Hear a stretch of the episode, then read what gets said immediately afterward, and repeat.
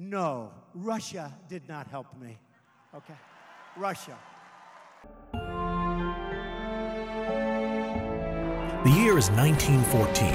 World War I had begun, and Russia was at war with Germany. Rusland heeft niets met de ramp te maken. Er is nooit een Russische boek over de grens met Oekraïne gegaan. The Russian people were angry at Tsar Nicholas II. Er is inmiddels vrede met Duitsland gesloten. De oorlog in uh, de Sovjet-Unie loopt ook af, de, de burgeroorlog. Maar het land is compleet uitgeput. En dan breekt in de jaren twintig een enorme hongersnood uit. Uh, en hoeveel mensen kost dat het leven? Ja, daar zijn uh, eigenlijk haast geen cijfers over. Want je hebt dan een paar van die grote hongersnoden gehad. Holodomor heet dat zelfs op zijn Russisch zit het woordje holocaust zit er ook in. Domor heeft uh, iets te maken met honger. Uh, in de jaren 20, dan heb je echt nog uh, van 1921 tot 24 de nieuwe economische politiek. Het ging zo slecht met het land, zo zwaar te lijden gehad van de Eerste Wereldoorlog. Ze moesten natuurlijk ook herstelbetalingen moesten nog afdragen. Dat was bepaald bij de vrede van Brest-Litovsk aan Duitsland. Daar zullen ze vaak niet eens naartoe zijn gekomen, maar er werd wel geëist. Uh, het communistische systeem dat landde niet goed bij de bevolking. Met name de boeren die gehecht waren aan eigen grond. Die vonden het verschrikkelijk dat ze hun grond moesten afstaan.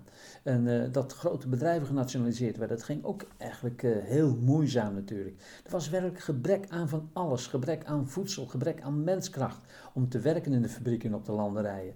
En ook nog een keer verzet dus. Dat was echt een en al narigheid. En gevolg was dat natuurlijk inderdaad oogsten mislukte en een grote hongersnood werd gereden, en geleden. En uh, hoeveel miljoenen er in de jaren 20 zijn gestorven, dat weet ik niet, maar dat is nog minder dan in de jaren 30. En met name in de Oekraïne, de graanschuur. Nou, men spreekt daar dat er zeker 8 miljoen mensen gesneuveld zijn, gestorven zijn door de honger. Ja. En er was een boekje in mijn tijd dat ik studeerde uh, over die periode in de Oekraïne. En dat heette, had een prachtige titel, En geen hond die blafte werkelijk uh, alle honden, ratten, katten enzovoort, die waren gewoon gevangen, opgegeten. Het meest kenmerkende, ik heb het nog meegemaakt in uh, 75 en 85 toen we de Rusland heen reisden. Als je in een dorpje kwam, van alle kanten stoven de honden op je af.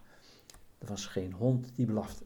Honger, alom. Ja, uh, de rode tsaar, Lenin, die had het, het communistische gedachtegoed stevig omarmd. En Rusland was een, communistische staat met alle uh, trekken die daarbij hoort. Maar hij heeft er niet heel lang van kunnen genieten. Hij sterft in 1924. En dan is de vraag, wie volgt hem op? En dan wordt het een verbeterstrijd tussen uh, Trotsky, uh, eigenlijk de compaan van Lenin al lange tijd, en, de, en Stalin, die, die pas recenter omhoog is gekomen. Ja. Ja, Trotsky, allebei trouwens schuilnamen weer. Hè? Ook echt lui die gezocht werden door de Ograna, de geheime dienst van de tsaar. Trotsky was een Jood, die heette Lev Davidovich Bernstein. En Stalin heette Jozef Djugasvili. En die is geboren in 1879, overleden in 1953. En als je het heel eenvoudig wilt zeggen, uh, Trotsky, ondanks dat hij menselijk was, verloog niet eigenlijk een beetje het standpunt van de menselijk, die wilde een wereldrevolutie. Niet alleen maar dat Rusland communistisch moest worden, nee, de hele wereld moest communistisch worden. En dat moest inderdaad een exportproduct, exportproduct worden. Terwijl Stalin veel reëler was, hij zei nee, we gaan eerst vechten voor een communistisch Rusland. Socialisme in één land noemde hij dat. En uh, hij legde alle nadruk op uh, Rusland.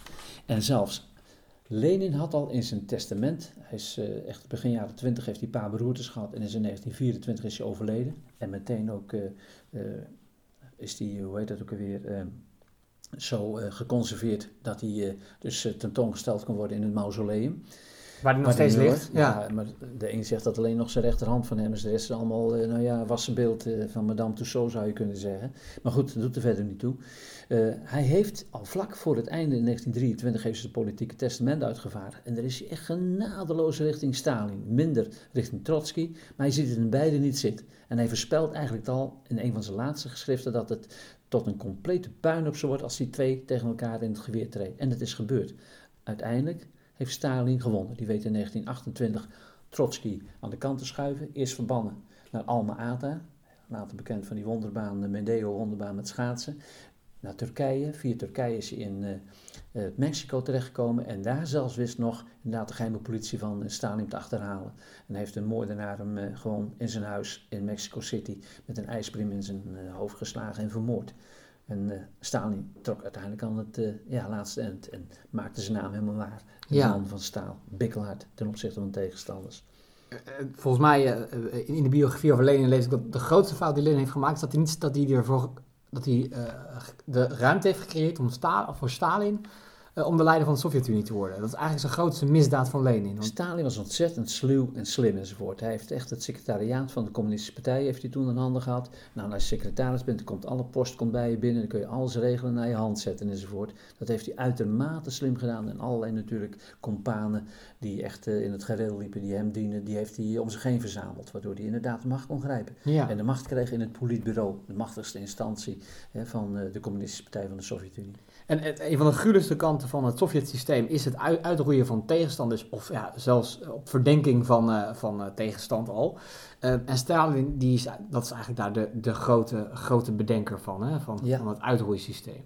Ja, dat begint dan met de zuivering. In 1934 was er een hele populaire burgemeester in Sint-Petersburg. En die heeft die Kirov, die heeft hij ook door handlangers laten vermoorden. Dat is het begin geworden van een van de meest bloedige episodes. Voor niets schrijft Solzhenitsyn, mooie boeken, hè? eh, de Gulag-archipel. Voor niets kreeg hij al 15 jaar.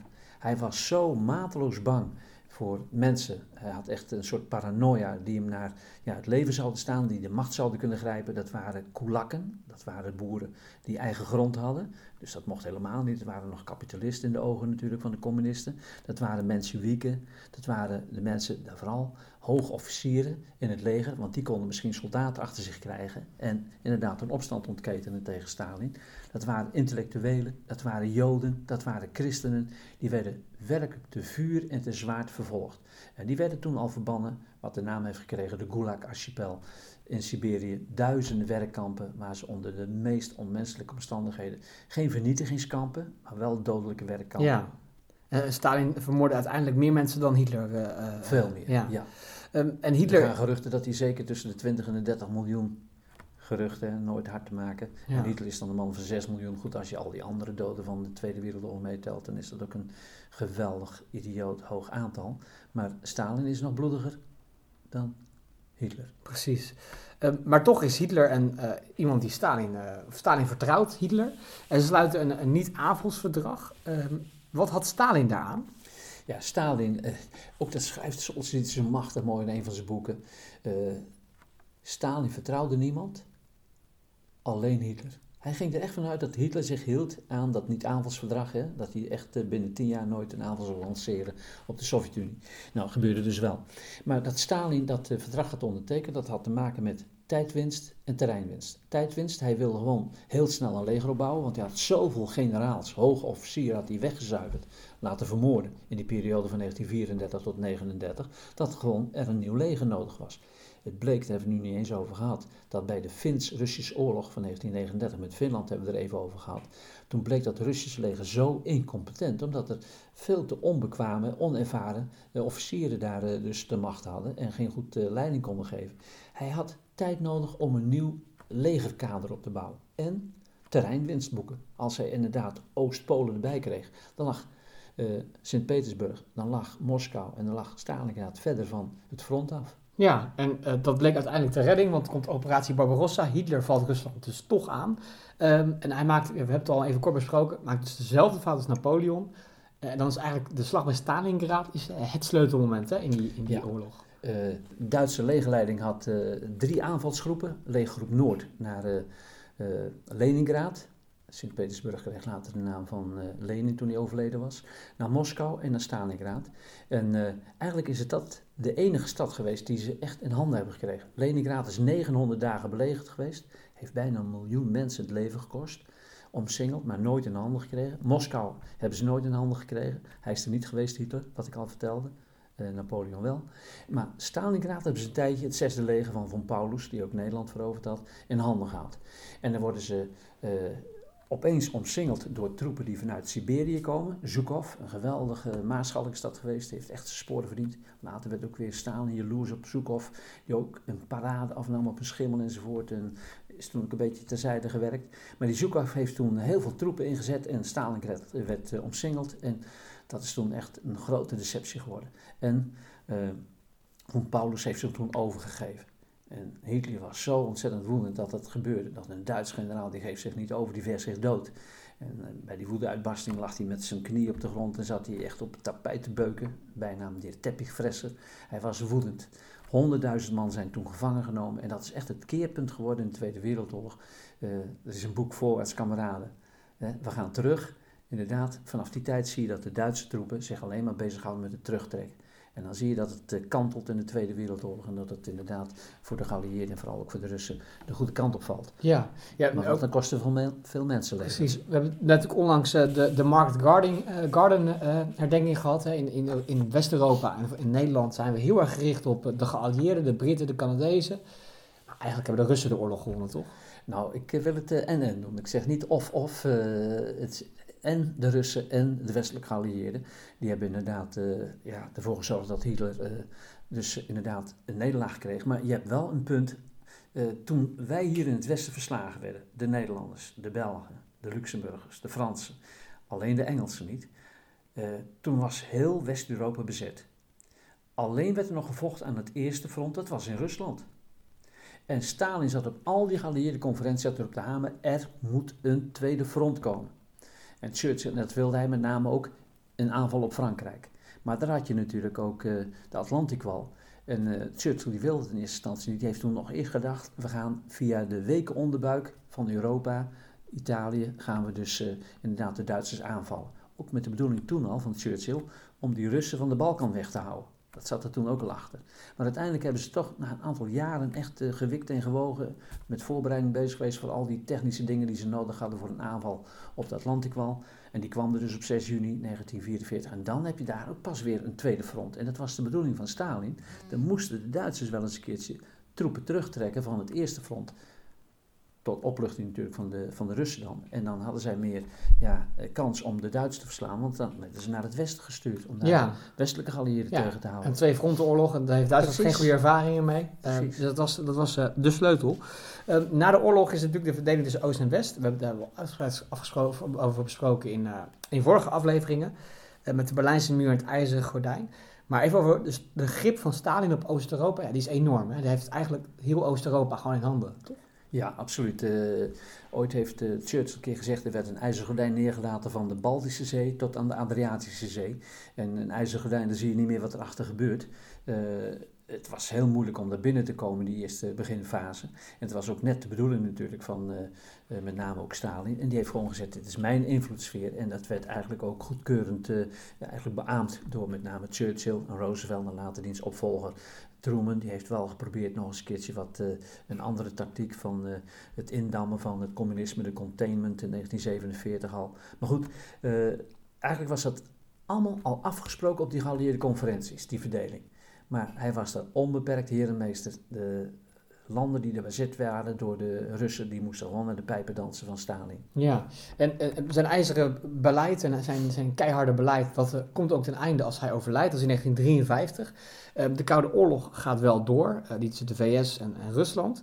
Um, maar het ontbrandde eigenlijk nooit, daarom heet het ook de Koude Oorlog. Ja. Hadden ze dan toch de wereldleiders vo net voldoende verstand om te bedenken dat dat een wereldramp zou betekenen met alle ja. kernwapens? Ik denk het al. Ik, uh, ik weet dat zelfs toen Truman uh, Roosevelt moest opvolgen, toen hij stierf in 1945 in april, toen wist hij nog niets van het geheime atoomprogramma af. En uh, toen dus op 6 augustus en 9 augustus die atoombom explodeerde boven Japan, Hiroshima en Nagasaki, dat heeft zo'n ontzettend ja, schokeffect gehad ook op de wereldbevolking. En de Russen waren ontzettend bang voor de Amerikanen, omdat die dus het atoomwapen hadden. Maar in het grootste geniep hadden die ook natuurlijk al mensen op dat programma gezet. En in 1949 hadden de Russen al, eh, via allerlei proefneming, ook een eigen kernwapen. En toen waren ze dus weer in evenwicht. En men was gewoon bang. Er was zoveel overkill dat ze gewoon bevreesd waren voor die afschrikking van die atoomwapens. Van we moeten elkaar niet aanvallen, want dat betekent dat we allebei eigenlijk een gewisse ondergang tegemoet gaan. Ja, en daarom is nu zo ontzettend beroerd dat ook een land als Noord-Korea zich op dat atoomfront uh, beweegt. Met zo'n onberekenbare man als uh, Kim Jong-un. Ja, dat is echt uh, heel apart. wat gaat die vent doen? Trekt hij zich wat aan van Rusland? Niet zo'n machtig land meer als toen in de tijd van het communisme natuurlijk. Trekt hij zich wat aan van China? Dat is echt, en dan nog eens een keer Trump aan de andere kant van het spectrum. Dat is iets om zeer bevreesd te Ja, en gelukkig ging het, uh, uh, want dat had waarschijnlijk gewoon wel een einde voor een, uh, nou, wellicht van, van de hele wereldbevolking kunnen betekenen. Met, Ja. met de atoomwapens die ze, die ze hadden. Die er zijn er nog. Ja, Het kan Hebben. heel makkelijk om inderdaad, eh, de wereld met eh, ja, atoomaanvallen uit te roeien. De Eh, wereldbevolking. ja. De Sovjet-Unie wordt, wordt na de dood van Stalin wel wat soepeler. Hè? Een beetje, toch? Ja, dat is de tijd van eh Khrushchev. Eh, Khrushchev eh, die is niet meteen in 53. Hij overleed Stalin op 5 maart 1953. Hij is eigenlijk pas in 55 aan de macht gekomen. Eerst had je een soort driemanschap met Bulganin en Malenkov was dat, meen ik, ja. En dan grijpt hij de macht en dan heeft hij de macht gehad van 55 tot 64. En toen heeft hij de periode van de dooi heeft hij ingelast. En weer een boek wat ik wil noemen, weer van Solzhenitsyn. Een dag van Ivan Denisovits. En beschrijft hij één dag van die Ivan Denisovits in een werkkamp in Siberië. Machtig mooi boek. Helemaal niet zo dik, nog geen 200 bladzijden. Maar wat een ellende komt je dan heel onderkoeld beschreven. Eh, en dat mocht toen ook zelfs gepubliceerd worden van eh Khrushchev. Het lag al jaren op de plank, maar hij vond dat bepaalde boeken, onder andere ook het boek van Dr. Chivago, maar toen het zo populair werd, heeft hij inderdaad, en dat die schrijver zelfs de Nobelprijs voor de literatuur kreeg, mocht hij hem niet op Passenak in, eh, in Zweden. Of eh, ja, Zweden is ja, dat. En toen heeft hij toch later weer, op het eind van de jaren 50, heeft hij toch weer een, ja, een grimmiger ja, masker opgezet, Khrushchev. En gaat er toch wel weer echt ja, de Koude Oorlog in. Met de verharde tegenstellingen tussen het Vrije Westen en het eh, communistische Oostblok. Ja, en de echte transparantie en openheid die, eh, die moet eind jaren 80 komen als Gorbachev van de macht komt. Eh, ook wel Petroiska en Glasnost genoemd. Ehm Perestroika. perestroika, sorry, dat zei ik. Ja, pe- perestroika en glasnost. Ehm, transparantie en hervormingen. Wat, wat wilde Gorbachev daarmee bereiken? Gorbachev die zag gewoon in dat het eh, Russische volk ook eh, ja, eigenlijk heel graag eh, ook eens een keer wilde genieten van consumptiegoederen. En nog een keer, ik ben er meerdere keren geweest en het is verbluffend dat ze daar bijvoorbeeld geen balpen hadden, geen plastic zakjes hadden, geen spijkerbroeken hadden, dat ze geen nylonkousen hadden, dat ze geen wc-rollen hadden. Dat soort hele eenvoudige levensvoorwaarden. Nou, en eh, hij wilde gewoon eh, tot een, verbeter, een verbeterde verstandhouding komen met eh, met name Reagan.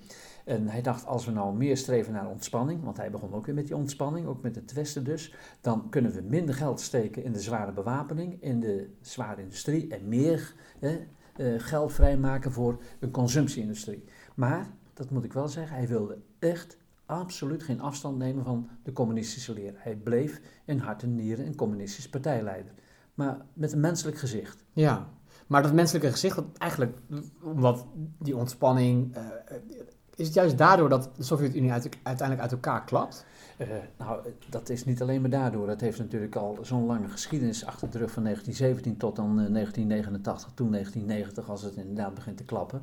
Eh, je ziet dan dat er zoveel onvrede is onder de Rus en dat er eh, alleen maar geld gestoken wordt in de zware industrie. In eh, met name een heel sterk leger opbouwen. Wat aan de andere kant, als je allemaal terugrekent en verhalen ervan leest, ook nog eens een keertje eh, heel verouderd was. Terwijl ze in de Tweede Wereldoorlog een geweldige tank hadden, de T-34 meen ik dat het was. Maar die latere episodes van de Koude Oorlog eh, stelden echt het leger van de Russen achteraf gezien veel minder voor. We werden een beetje voor de gek gehouden, ook vanuit Amerika. Dat werd het zogenaamde missile gap werd het genoemd. De Russen hadden heel veel eh, raketten. En met name ook onder eh, hoe heet je ook weer, eh, John F. Kennedy en met name Eisenhower, die hebben toen al gepropageerd van we hebben een achterstand, we hebben een achterstand, terwijl die er helemaal niet was. En dat is dan die beruchte wapenwedloop, hè, die kenmerkend is voor de, tweede, voor de Koude Oorlog. Daar lagen in wezen de Amerikanen veel verder voor op de Russen dan we altijd vermoed hebben. En Gorbachev heeft gewoon als eerste gezien, ik kan die oorlog nooit winnen. Dat lukt ons gewoon niet. En we moeten gewoon, en het bleek dat het nog eens een keer goed klikte tussen Gorbachev en Reagan. We moeten gewoon on speaking terms komen. Er zijn allerlei besprekingen geweest, naar Reykjavik onder andere ook. En toen klikte het en toen hebben ze ook gesproken over afschaffing zelfs van de atoomwapens. Ja, En eh, men zag dus ook in Rusland de onvrede. Men wilde inderdaad ook eens een keer een normale eh, verhouding hebben, ook met het eh, Westen. En ik denk dat onder andere ook de paus heeft er een hele grote rol gespeeld, de Poolse paus. Wojtyla, die ook altijd zat te hameren op uh, vrijheid van godsdienst. En ook er waren heel veel christenen in uh, de Sovjet-Unie, uh, Russisch-orthodoxe christenen, die het communisme maar niks vonden. langzamerhand zag je gewoon dat onmetelijk grote communistische bolwerk ja, verbrokkelen. Ja, en het valt uiteindelijk uit elkaar.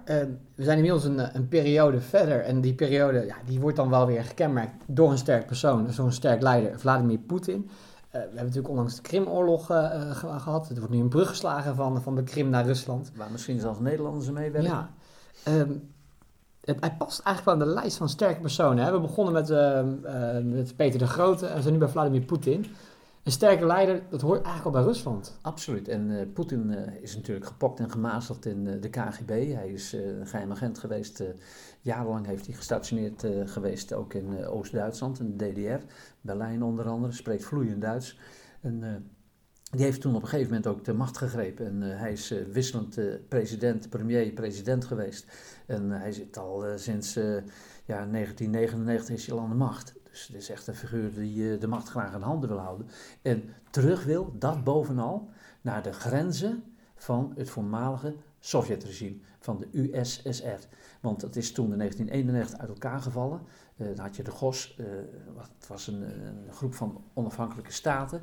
Uh, iedereen kreeg eigenlijk zijn nationaliteit terug, zijn onafhankelijkheid terug. En dat wilde hij eigenlijk allemaal terugdraaien. Het liefst zou die Oekraïne en al die andere gebieden zou hij weer opeisen. En dat moet weer allemaal binnenkomen binnen de grenzen van het voormalige Rusland. Daar ja. streeft hij naar.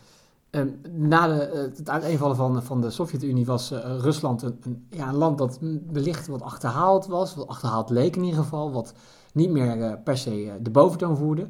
Maar het is nu weer echt terug op het wereldtoneel, hè? Met, ook met de rol met Noord-Korea bijvoorbeeld. Ja, ik verbaas me over die verhouding tussen inderdaad Poetin en Kim Jong-un.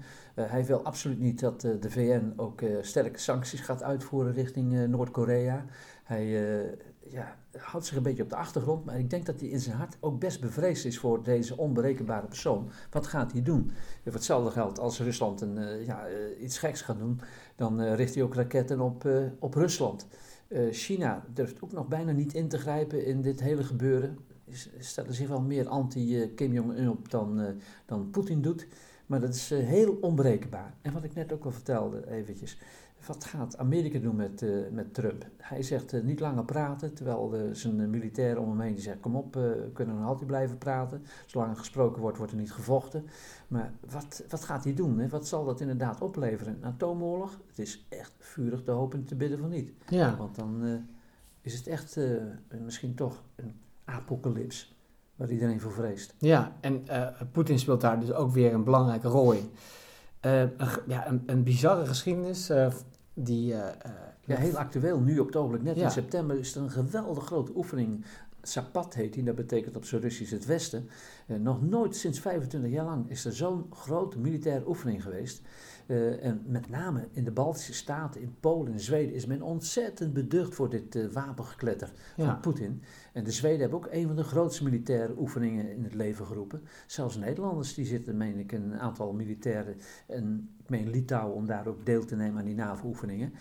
Aan de andere kant denk ik dat, uh, dat Poetin niet zo gauw een aanval zal ontketen, want hij heeft al problemen met met name natuurlijk ook Amerika, met al die sancties die tegen hem zijn uitgeroepen heeft hij zich bemoeid met de presidentsverkiezingen? Ja, nee. Hè?